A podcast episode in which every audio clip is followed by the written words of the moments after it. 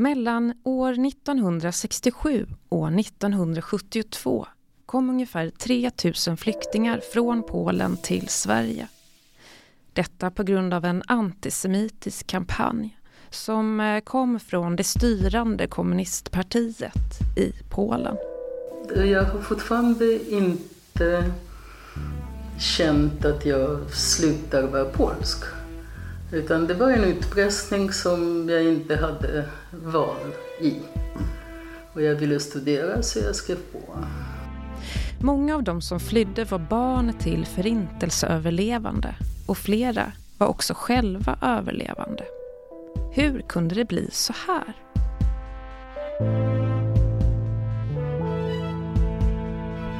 Det här är Oglömt och nu ska vi diskutera Vi de fördrivna som är ett projekt som doktoranden Martin Englund har, håller på med här på Södertörns högskola.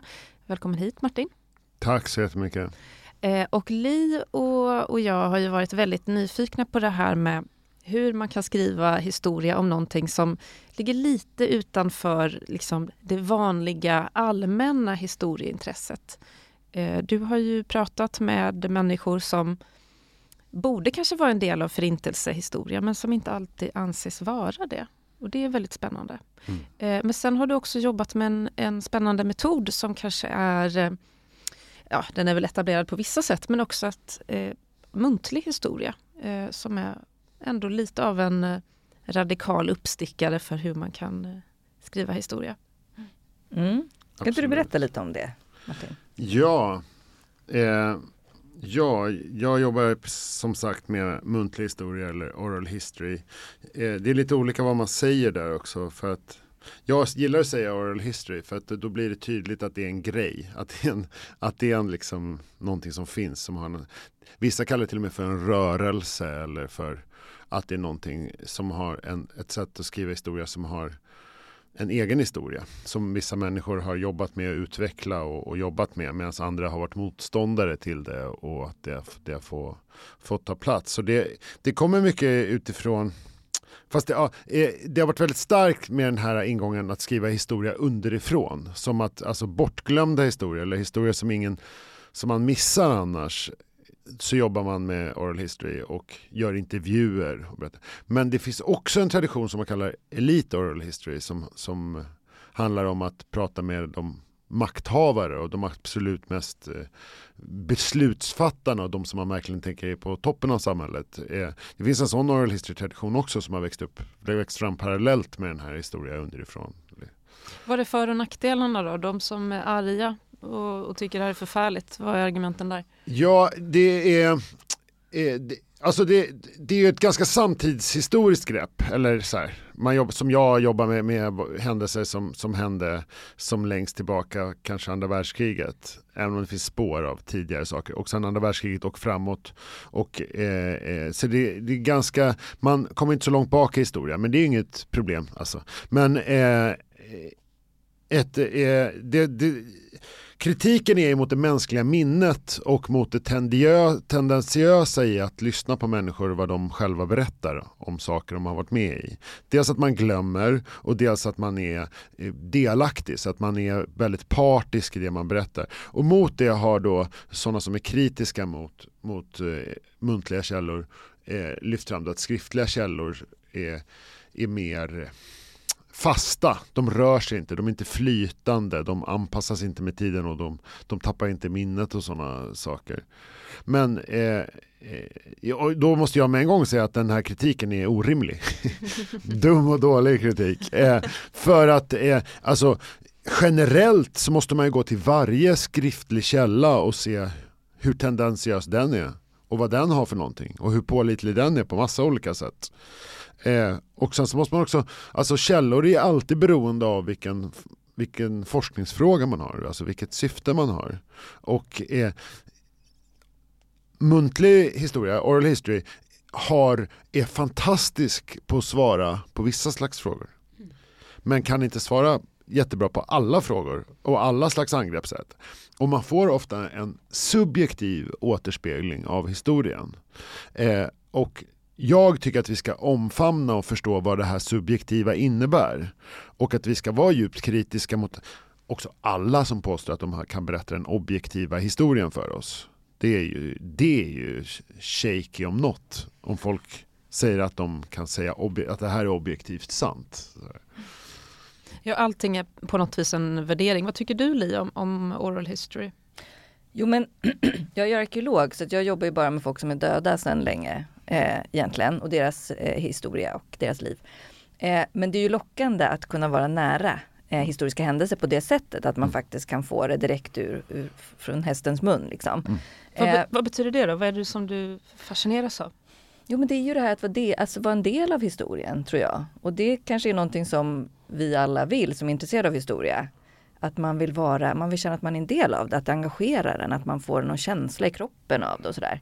Eh, och det kan man ju få tror jag, en, alltså, jag tänker oral history, det är som ögonvittnesskildringar mm. på något sätt och det ordet, ett ögonvittne, det är ju väldigt starkt laddat med någonting positivt upplever jag. Mm.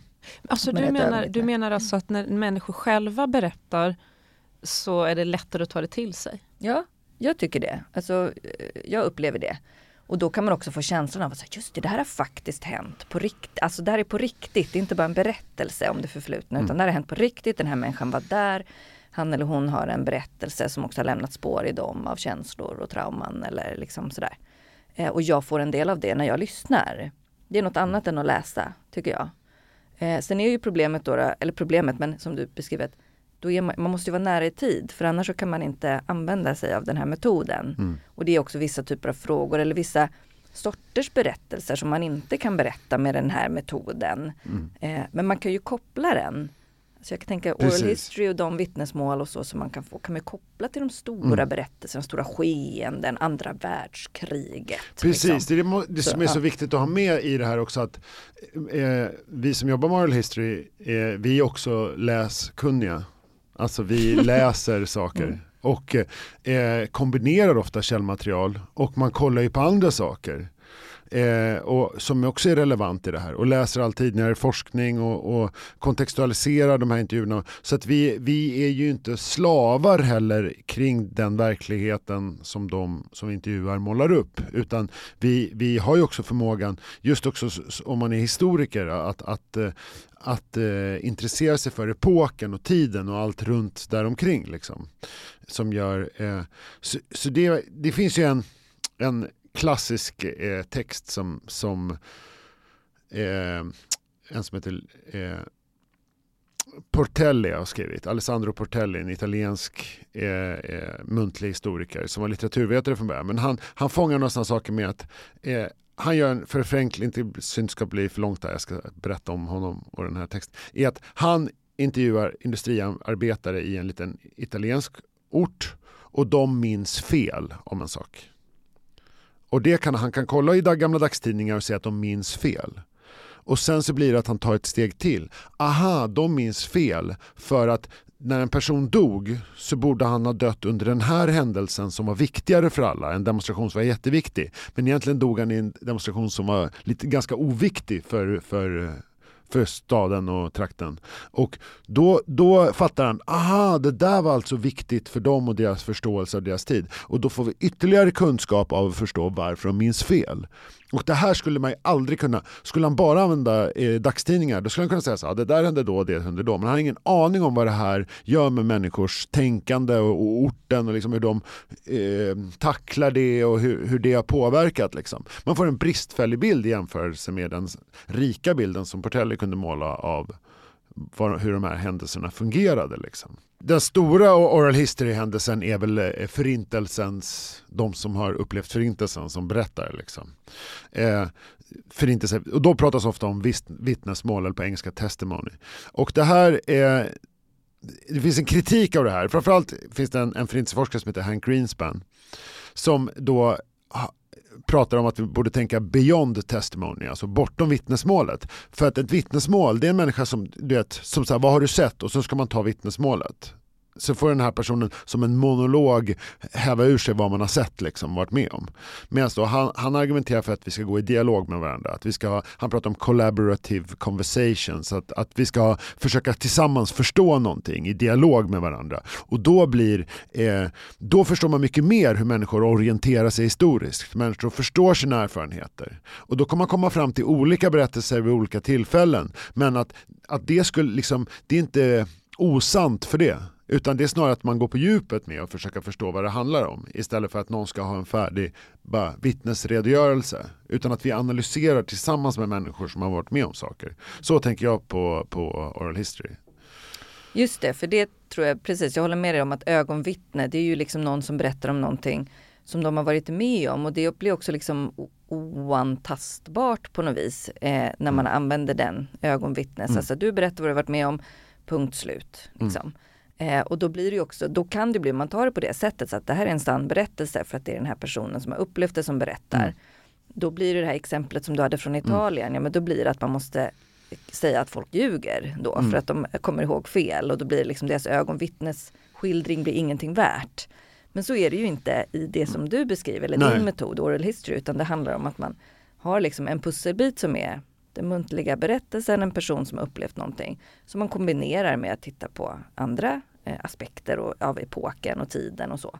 Och så blir det till en helhet, men att mm. den här pusselbiten av det muntliga ändå är väldigt viktig. Mm. Eh, och då som jag tycker det är väldigt viktigt just för, ja, för engagemang också, för en känsla av att saker ja. liksom är är verkliga och att det är riktiga mm. människor som har upplevt historien mm. och inte bara liksom Också, Eftersom vi ofta pratar om traumatiska saker så, som till exempel Förintelseminnet eller som, som mina då, eh, polska judar som har blivit fördrivna från Polen på 60-70-talet så, eh, så är det ju jätteviktigt att man, tycker jag, att man svarar dem. Jag tycker det är oetiskt att ta sig att ta ett vittnesmål som bara tack, nu kan du gå, nu har du sagt ditt. Alltså att man svarar, man provar, man är där och är, man diskuterar med varandra och är, har, ett, har, en dialog. Liksom.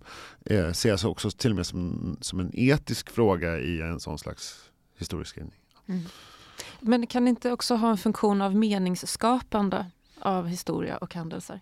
Absolut, och jag, jag, när jag bjuder in människor till, till mitt Oral History-projekt så, så ser det som att det är en inbjudan till dem att, att eh, också eh, brottas med sitt förflutna och historien och deras plats i historien och eh, eh, för de som vill det. Och många har tagit sig an det och andra väljer att inte göra det.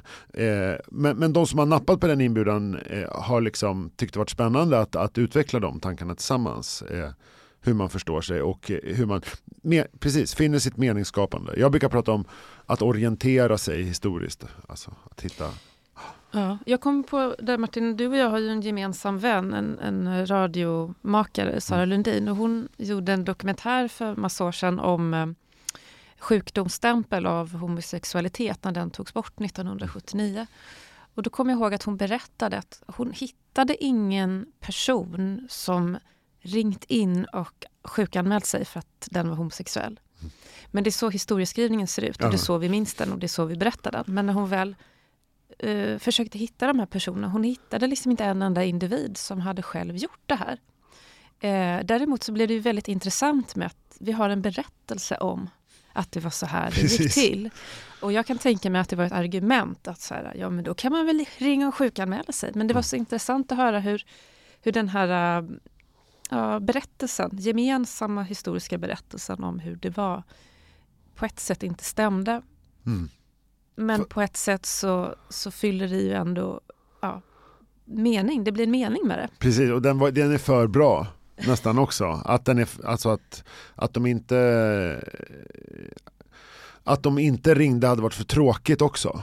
Alltså folk hade ju idén, idén fanns ju, men det var väldigt få som gjorde det egentligen. Men sen så när man ska berätta det här så är det så snyggt att lägga in den sån. Mm. Jag tänkte när man sätter ihop bilder i Powerpoint som man undervisar i historia, eh, att det är så oerhört godtyckligt vad man lägger in där och hur, hur det funkar och vilka bilder som har blivit populära liksom. Eh, till exempel som att alla visar franska revolutionen 1879 med den här eh, friheten på barrikaden eh, som är från 1830-revolutionen. Fast alla visar den för, för 1789-revolutionen. alltså så här, Ah. Vänta, nu hänger inte jag alls med. att, att eh, Franska revolutionen skedde 1789 ja, 1789. och sen hände En det klassisk 1800. powerpoint, det var en fransk revolution 1830 också. Ah, okej. Och, eh, och eh, i, i, då målades friheten på barrikaden. eh, och, Den här klassiska med den eh, halvnakna Precis, friheten ja. eller med. Precis, så, och som så står en revolutionär med en hög hatt nere i hörnet som man ser. Mm. Och man ser på hans klädstil att det är 1830 också, Just att det det. inte är 17. Eh, och eh, den här bilden används hela tiden i powerpoint för att säga franska revolutionen 1789. Och då eh, så tänker jag att det är så här, ja för det, det, har blivit en iko- ikon, det har blivit en sån ikonifierad sak att, att förhålla sig till. Det har blivit symbolen för någonting och den är tydlig. Ah, alla fattar och ser Mm. den, den är snygg och det funkar. Ungefär som att det är snyggt att alla ringde, ja då ringde alla homosexuella eh, i Sverige och sjukskrev sig dagen efter. Mm. Eh, eller, eh, och jag har också liknande sådana, att folk blir chockade eh, så här, eh, eh, Singer och eh, eh, Sholem Aleichem, alltså så här, eh, författare från det gamla Jiddischland före förintelsen. I den gamla Stettelvärlden, den polsk-judiska kulturen eller öst-centraleuropeiska judiska kulturen. Eh, de är väldigt viktiga symboler när människor som jag pratar med närmar sig sin identitet. Och närmar sig, eller se- den delen av identiteten som är en känsla av ursprung. Liksom, att orientera sig många efter där. Sen när många de som vet mer, de som intresserar sig mer historiskt, märker ofta att eh, det var mycket mer urbant och det var inte alls den här stilen som finns i den där litteraturen. Men, eller så vissa säger så här, jag kommer verkligen från en sån stättel som, som, som i Singer, så här, att har någon påpekat som var född på 30-talet. Eh, men att då, eh, de, den här är en ikoniserad miljö liksom genom en rad författare och, och speciellt med förintelsen att det är på andra sidan och där föreställer man sig stora skägg och kaftaner och klezmermusik och eh, stettelvärlden väldigt starkt på andra sidan förintelsen. Och då eh, tar alla det för givet att det var så det var. Och så, och så att man väl tittar på folks familjehistorier så kanske de blev, inte alls såg ut sådär på 20-30-talet liksom. Just det, populärkulturen har ju en jättestor eh, kraft också på Precis. hur folk eh, liksom minns Ja. eh, historia eller minns sin egen personliga eller sin Precis. familjs historia också. Och, och även eh, socialt umgänge bara som jag kan tänka mig, alltså hur, hur historien har fallit på plats, alltså så svensk hbtq-historia har fallit på plats i bara samtal tänker jag också mellan människor. Och så fastnar vissa saker, vissa vill berätta man vidare liksom och så här.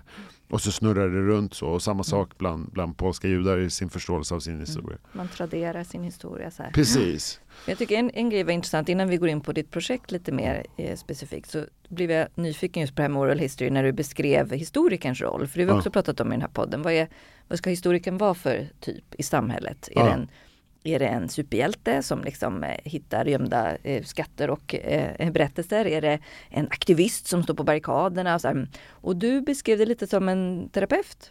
Eller så, en samtalspart, en dialog, Ja. liksom, någon som ska locka fram men också behandla så att säga den berättelse som kommer ur, eh, ur den här, det här ögonvittnet, man ska säga. Ja, det? det är väl ganska provocerande att tänka att en historiker skulle vara en terapeut. Det Mm. blir väl många som tänker att så, så ska det ju inte vara. Eh, men men eh, jag tänker att det kan finnas inslag av det. Mm. Eller att det, det och att när man jobbar med människor har man etiskt ansvar. Mm. Sen är det många historiker som håller på med äldre epoker så, eller som, eh, som inte har lika avancerade etiska betänkligheter och så. Och många som säger att, att det är viktigt att historiker inte känner sig att, alltså att vi inte ska behöva eh, tänka på sånt. Att vi ska vara så här kyliga, eh, distanserade, sakliga, eh, alltså har en, den slags lite så här positivistiska upplysningsideal. Det finns också väldigt starkt i historieämnet. Men, men eh, jag tycker att för det första så ska vi vara till för allmänheten. Annars är det orimligt att vi får pengar överhuvudtaget. Eh, och då ska vi göra det på sätt som, som eh, alltså vi ska ju vara korrekta och vi ska vara allvarliga, vi ska försöka göra ordentliga arbeten och verkligen vrida och vända på vad som har hänt.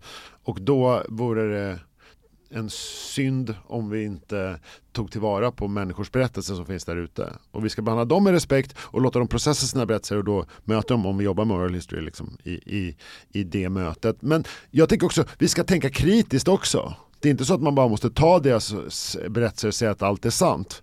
Utan, och kanske till och med våga bemöta dem om, om man tycker att något är helt galet eller liksom eh, eh, Ja, att eh, stå för någonting så. Men det som jag säger, tänker då, med liksom min hermeneutiska kunskapssyn jag har, är att vi försöker sträva efter att förstå vad som har hänt tillsammans med andra människor eller själva när vi studerar källor och skriver. Och så. Vi försöker sträva, men vi är alltid subjektiva. Vi kommer aldrig komma bort från den subjektiviteten. Men vi försöker vårt bästa att göra det så. Vi strävar efter objektiv kunskap men vi kommer aldrig komma fram och därför är det alltid subjektivt det som vi försöker formulera. Liksom.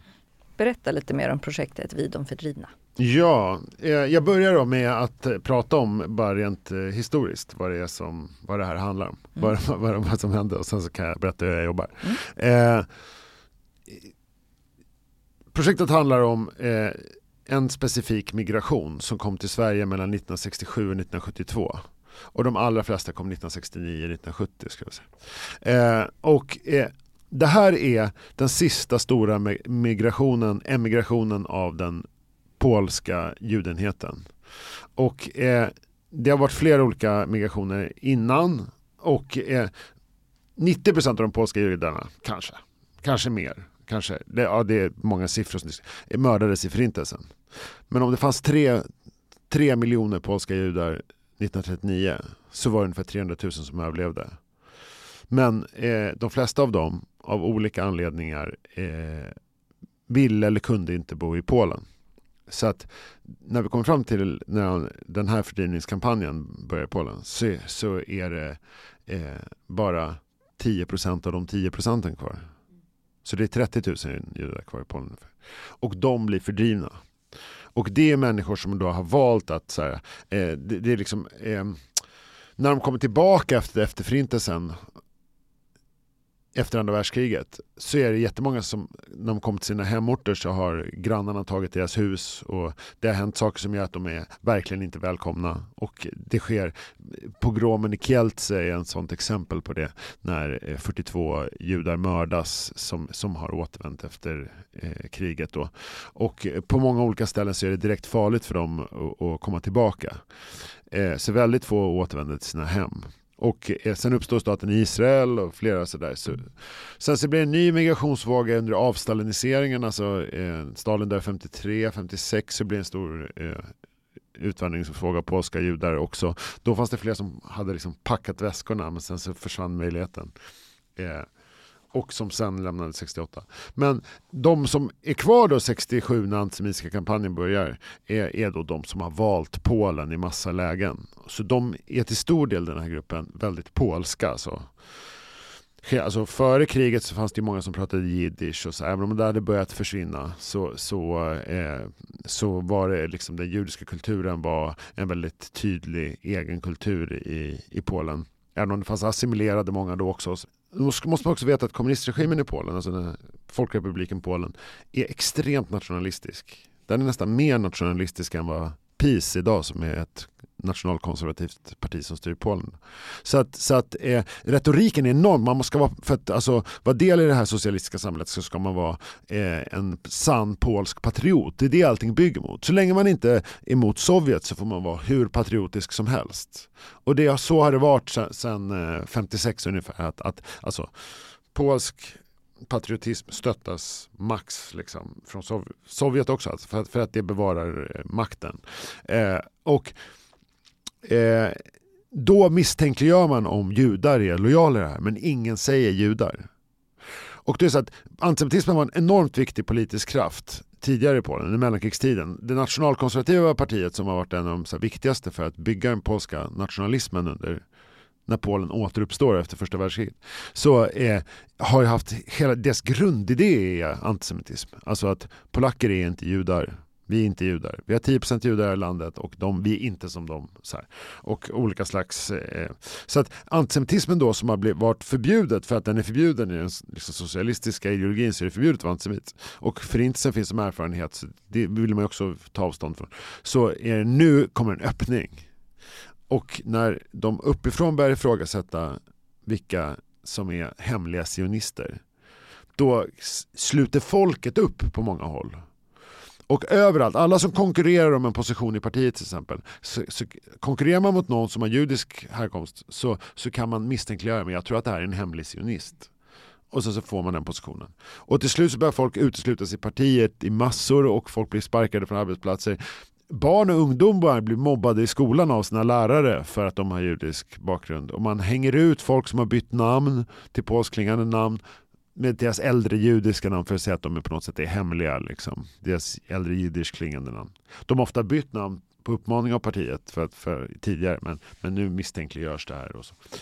Så, så att eh, allt det här rullar igång då en, en eh, massiv och samtidigt är det 1968 och den här proteströrelsen som kräver, alltså en radikal proteströrelse som kräver mänskliga rättigheter, demokrati och sådana saker i som finns i hela Europa, i hela västvärlden och i östvärlden. Till exempel Tjeckoslovakien är jättebetydelse i den här socialist med mänskligt ansikte som kommer. Det är en del av det här tänkandet som finns.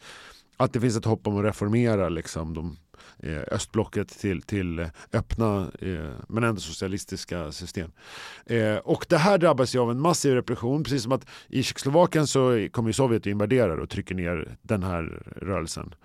Eh, I, I Polen så kommer de inte så långt till att de närmar sig regeringsmakten. Det är studenter som demonstrerar och sen så slår de själva ner med det. Men de regimen i Polen lyckas splittra den här rörelsen och hetsa folket mot dem genom att säga att det är hemliga sionister, alltså det är judar som, som finns i den här rörelsen och som inte alls har Polet, Polens bästa för sina ögon.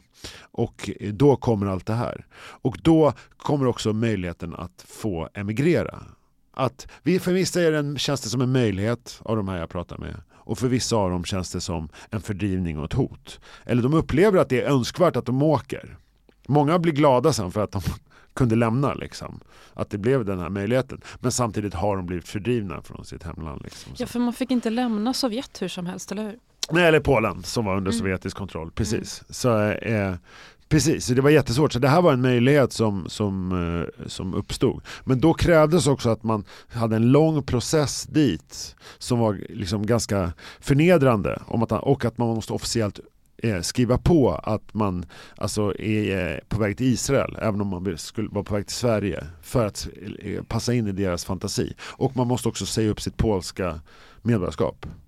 Och man fick inte ta med sig så mycket saker ut, man fick inte ta med sig några värdesaker ut. Folk som hade gamla tavlor till exempel fick man tvungna att lämna för det tillhörde det polska kulturarvet. De blev, liksom så här, de blev verkligen uttryckta från den polska nationen liksom, på ett sätt som, som var djupt smärtsamt för många. Liksom. Men här skulle vi kunna spela upp det här minnet, eller hur? Som du har lyssnat på Li, ja, i programmet. Mm. Mm. Precis. Ja, för då tycker jag vi kan lyssna på det och så eh, kan vi liksom fortsätta diskutera. Ja, mm. verkligen.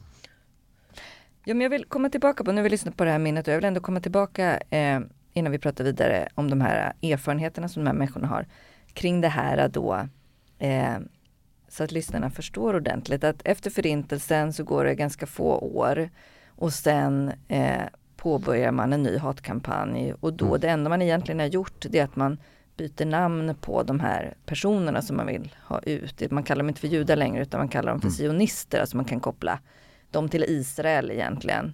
Eh, och att de skulle vara då illojala mot Polen men lojala med Israel och mm. därför så behöver de eh, lämna landet. Mm. Och man kan då även eh, använda det för att splittra den här studentrevolten mm. som liksom verkligen vill reformera landet och vill ha mm. rättvisa och vill liksom mm.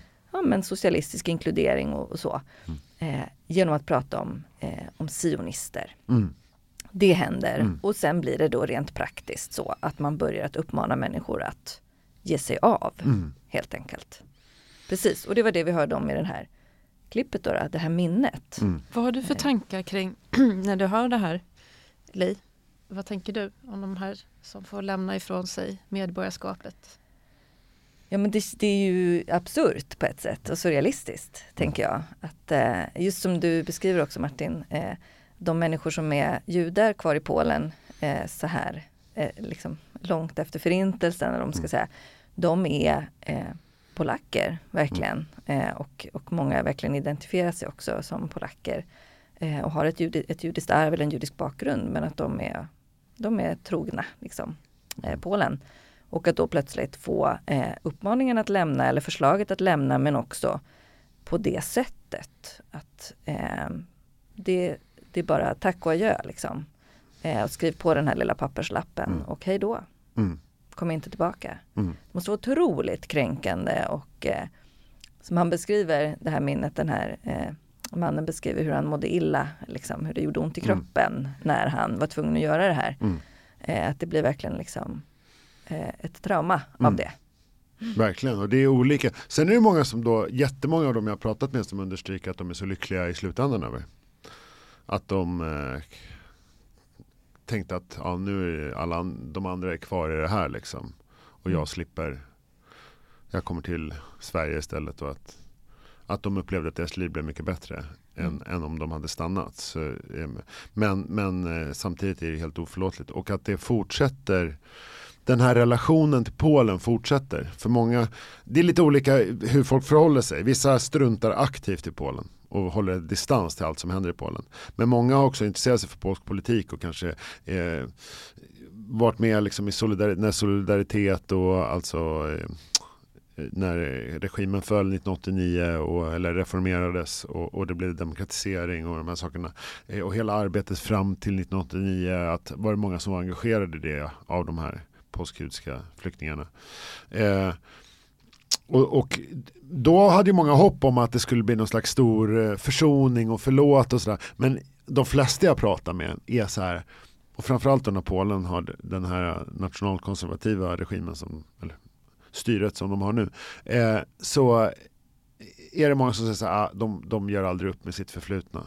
Och eh, det finns ju många, till exempel Olga Tokarczuk som finns Nobelpris som, som sa att så här, Polen måste se sina svåra historiska perioder i ögonen, något sånt sa hon liksom. Och då tog upp flera saker, bland annat hur, hur judar har behandlats i Polen. Eh, fick en, en, en stark hatstorm mot sig, bland annat ifrån ledande politiker. Så att eh, eh, man, de kollar liksom på, på efter, jag märker en del som längtar efter någon slags historisk försoning men väldigt få lyckas känna att de får den här försoningen. Eh, och sen så är det vissa som känner att ja, det här har med den regimen att göra. Det, det var då liksom och den var hemsk och dålig och så. Men de, de allra flesta känner att det också väldigt mycket har att göra med en massiv strukturell antisemitism i Polen som, som, in, som behöver processas på något sätt och som fortfarande är ett hot mot allt judiskt i Polen hela tiden. Just det, så det är väldigt olika berättelser på det sättet och Ja. vissa som kanske också både längtar tillbaka och längtar efter Ja. den här försoningen och för att liksom få, Ja. få, få ett erkännande kanske som, som polacker igen. Liksom. Och andra som är glada att de har flyttat och vill klippa banden och liksom ja, eh, också förstår att ja, men det som de mötte här i Sverige det gav dem en bättre, bättre förutsättningar, deras barn bättre förutsättningar kanske än vad de hade haft. precis. Eh, men eh, jag tänker att ah, vad, vad man än känner nu så att säga att det ändå ehm, att man själv eller ens föräldrar då kanske har gått igenom det här att bli Ja. utslängda på det här sättet. Ehm, ja, det måste vara väldigt svårt att förlåta. Ja, ja, oh ja. Eh, och eh, det är ju bara frågan också vem, vem man riktar då, vem man ser som den här förövaren. Vem Mm. är förövaren i det här? Eftersom det är en stor strukturell händelse som har drabbat den. Liksom. Eh, och eh, Men förlåtelse är ett sånt där återkommande tema tänker jag också ja, inom mycket så postkolonialism och, Ja. och den typen av historieskrivning. Alltså, ja, vad ska man göra ja, med, med det förflutna? Mm. Och, och kan en stat be om ursäkt? Och sen också det här äh, att samtidigt, ja, nej men på något vis om man, om man ber om ursäkt då som stat, då tycker jag att det förväntas att man också gör någonting. ja, Vilket gör att om, om det skulle bli, om en, en eventuellt ursäkt då från, från Ja. polska staten, om den skulle ha en betydelse så räcker det kanske inte att säga ja, det som hände eh, 1968 är oförlåtligt. Eh, Mm. Det skulle aldrig ha hänt. Om det verkligen skulle betyda någonting skulle de också behöva ändra hur det ser ut nu. mm, Eh, och att det också finns, eh, jag tror det är Gunlaug Fur från Linnéuniversitetet som har skrivit om det här, att man kan också utvärdera ursäkter mm, eh, genom olika kriterier och att ett kriterie är just det här, ja, vad händer sen då? Mm. Vad gör ni med Mm. den här ursäkten? Precis. Eh, och jag tänker också det här med vad, alltså vi, tar så, vi tänker så för givet att, att också att nationer är, är subjekt på något sätt. Alltså, eh, och jag har märkt en del som inte tänker så, som jag pratar med. Det låter jätteintressant. Mm. Hur, hur tänker man då? Alltså för att de så här, Ja, det, som, som, så fort jag tar upp de här frågorna om be om ursäkt och få upprättelse och känslan av hur är din relation till Polen så, här, så bara Ja, det finns många snälla polacker, det finns många schyssta polacker, det finns många fördomsfria polacker, det finns många antisemitiska polacker, det finns många hemska polacker, det finns, alltså så här, som bara som försöker bara nyansera att så här, det här är ett land som har, det är massa olika styren, det är massa olika människor och sådär. Jag åker dit och träffar dem jag tycker om och sen finns det massor av problem med antisemitism där. Alltså som, som inte ser det som att det finns en stor nation som, ska, som kan säga förlåt eller som kan ta på sig skuld eller process, alltså sådär. Utan som istället vill visa på den här mångfalden av människor och inställningar istället. Liksom. Ibland så får jag en känsla av att, att, att det kan vara ganska skönt för vissa att ha det så. Men samtidigt så tycker jag ju att, att eh, alla regeringar såklart borde känna ett ansvar för det landet de är regering i. ansvar för det historiska arvet där, hur det ska förhålla sig till. Liksom. Och... Mm. Ja, nej, men det blir väldigt svårt. Jag tänker också på, på eh, queer historieskrivning, eh, om vi går tillbaka till 1979 och mm. sjukdomsstämplingen av, av homosexuella. Eh, jag vet inte riktigt vem, vem skulle kunna be om ursäkt för det och mm. hur skulle det kunna betyda någonting? Jag menar, jag växte ju upp under en tid innan de här lagen om äktenskap ändrades och eh, adoption av barn och mm. så vidare. Väldigt svårt att se vem som skulle kunna be om ursäkt mm. för hur det var då. Liksom. Mm. Som gjorde ens mm. uppväxt svår eller orimligt svår kanske. Mm. Det är så svårt att hitta en person eller en grupp eller eh, ja. Precis, och där tänker jag då är det jätteviktigt apropå då regeringar och så att det är ju, det är ju de offentliga institutionerna och de som liksom har, eh, har makt på olika sätt. Det är ju de som ändå måste ta det ansvaret tänker jag då. Mm. Och säga att det här var fel. Ja. Det här var hemskt. I ja. Polen har de ju gett tillbaka, nej de har inte gett tillbaka, just det. De som vill kan få tillbaka sitt medborgarskap. Mm. De kom fram till att det här var o Eh, Eh, det var illegalt det här med att pressa folk till att säga upp sina med, polska medborgarskap. Eh, men då kan de ansöka och det har många blivit provocerade av. Så ska man komma hit och ansnälla, ge mig tillbaka mitt medborgarskap. Då får man tillbaka det. Och för de flesta eh, svenskar så är ju alltså Sverige och Polen med i EU. Du, behöver inte ett, du har inte så mycket nytta av ett polskt medborgarskap rent praktiskt om du har ett svenskt medborgarskap. Men om de som eh, istället åkte till Israel eller åkte till USA kan, kan jag ha väldigt nytta av ett EU-pass. Liksom. Kan väldigt praktiskt ha det. Eh, så då kan det finnas sådana praktiska anledningar till att vilja ha det. Medan de får, det finns en som heter Emilia Degenius som har skrivit en bok om, om sina erfarenheter som heter Åka skridskor i Warszawa. Och hon, hon säger liksom så här, bara ta inte tillbaka det här liksom. Glöm inte vad de har gjort liksom. Ställ dig inte på knä och be om ett tillbaka, få tillbaka medborgarskapet liksom. Så mm. mm. Hon till och med säger gå hem till era barn istället. Alltså som är i Sverige då. Som, är, som, som inte är där. Ja. Ja, nej, det skulle ju vara eh, engelsk-polska judar då som ja. kanske vill ha tillbaka sitt medborgarskap i Polen för då får de vara med i EU igen. Precis. Mm, att det finns praktiska. Nej, men ja, jag kan förstå det. Britter som inte får arbeta längre och resa som de vill precis, att det förut, mm. förut. Men allting är ju också relativt. Jag tänkte precis nu när jag sa att eh, vem är jag att klaga när jag gick i svensk skola i början av 2000-talet. Mm. Eh, jag påverkades ju inte direkt av sjukdomsstämpeln för 1979. Mm. Men det är ju en förklaring till den värld som jag växte upp i och varför den såg ut som den gjorde. Mm. Eh, men de här polsk-judiska flyktingarna som du har pratat mm. med måste ju också leva i skuggan av så otroligt mycket. Jag tänker bara förintelsen. Eh, oh ja, det, och det är hur det kan man klaga på ett medborgarskap ja. när, när, man slapp förintelsen? Ja. Och det ska jag säga också hur de förstår sina erfarenheter och sådana här eh, fenom, liksom, eh, ska man säga, effekter som uppstår i, i, när man försöker förstå subjektiva levnadsberättelser så som är liksom basen i mitt källmaterial och den slags oral history är. Eh, att eh, vissa jämför sina erfarenheter med sina föräldrars erfarenheter från, under förintelsen eller deras mördade släktingar och säger så här, okej okay, vad är värst? Och då, då blir deras egna erfarenheter ingenting, deras egna trauma. Då känner de ju bara att de ska sitta tyst. Då kanske de inte ens vill vara med i projektet. Eh, medan andra säger så här, kolla nu händer det igen. Alltså att det är ett efterspel. Förintelsen hände och här fick vi se igen att det kan blomma upp. Alltså mm. att det är så här.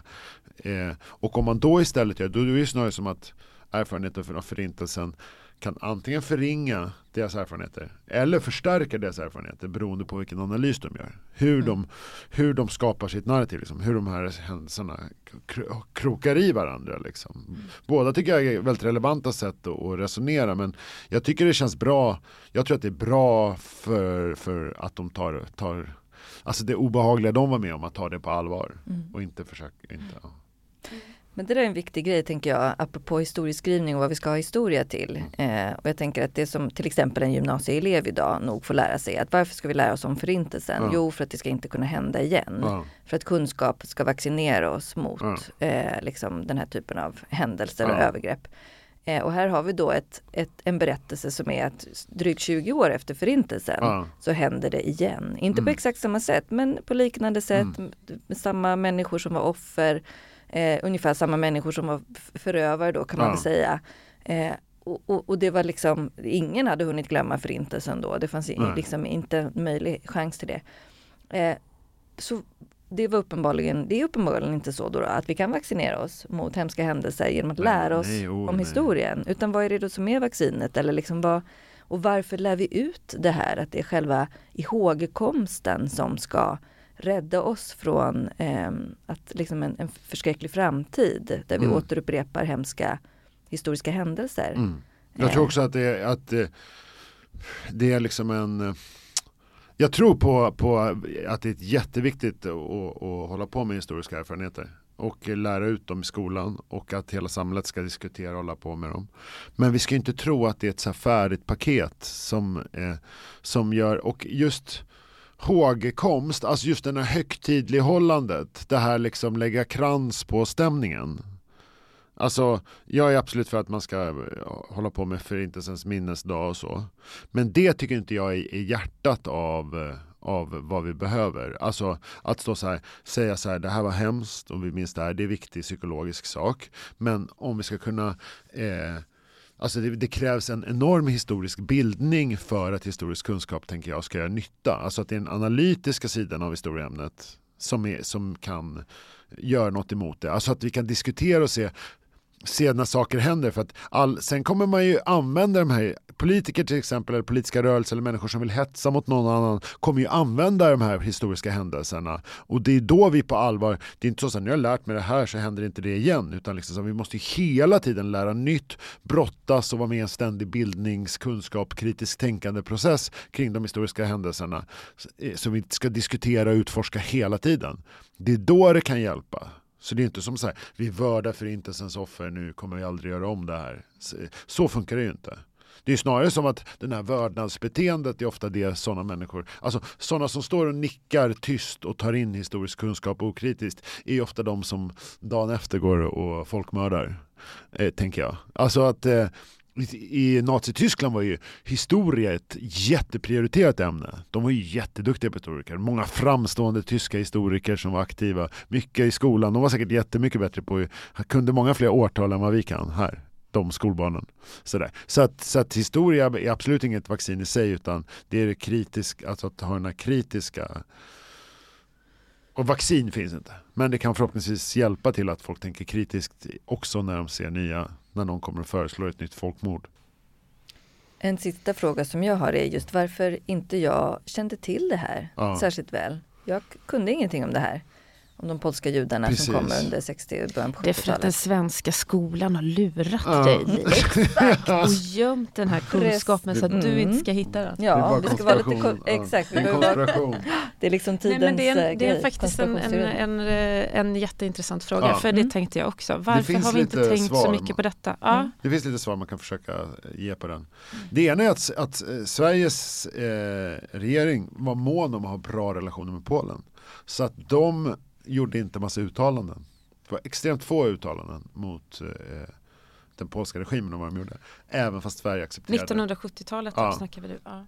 Fast Sverige accepterade att eh, eh, att, att det var flyktingar. Alltså, jag har intervjuat eh, eh Maud Edgren Schori som finns på insamlingen som jobba, var 22 år och, och, jobbade på ambassaden i Warszawa och satt med tolk och intervjuade folk.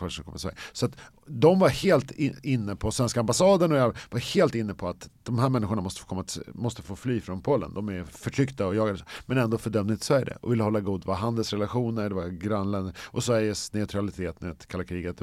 Så att det är den balansen all, är allt där. Eh, som, så, så, det är den viktigaste förklaringen tror jag, skulle jag vilja säga. Eh, eh, och också då hur vissa är om man jämför med förintelsen. Så jag tycker att det, det här borde kunskapen om det här förstärks ju av förintelsen, alltså behovet av att vi måste känna till det här. Men vissa tycker att det här var ingenting jämfört med förintelsen. Så, så därför blir det eh, inte så tydligt så. Och sen finns det olika, det verkade hamna med om det som hände i Tjeckoslovakien blev symbolen för det här med Dubček och, och socialism med mänskligt ansikte, eh, Pragvåren, Sovjets invasion och det här. Så där handlade Polen i medieskugga av det. Eh, och sen så eh, kort efter så kommer till exempel större migration som den chilenska som också blir mer berömd. Där Sverige också har en mer aktiv del och där Sverige är mer aktivt kritiska liksom, till vad som är pekar och kritiserar. Och samma sak också som Palme när han kritiserar eh, Vietnamkriget. Då är också så här då är de svenska politikerna där ute och, och pekar och det där medan det här sker lite, sköts lite i det skymundan. Liksom. Och det verkar ha, ha blivit så. Och liksom, journalisterna verkar inte ha hakat heller på att vilja visa det här. Och trots att flera av de här människorna som kom blev så berömda svenskar som Pascisarembe eller Jerzy Sarnecki, Dorotea Bromberg, Peter Wolodarskis föräldrar. Det är så här, flera sådana så, så, så, så, har det ändå inte lyfts upp sen i efterhand.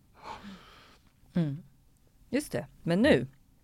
Nu, så. hoppas, ja men det är det som är hela min ingång faktiskt. Att jag, jag, har, jag är ju minst lika motiverad av en slags folkbildande ingång som av att forskarna måste få reda på det här.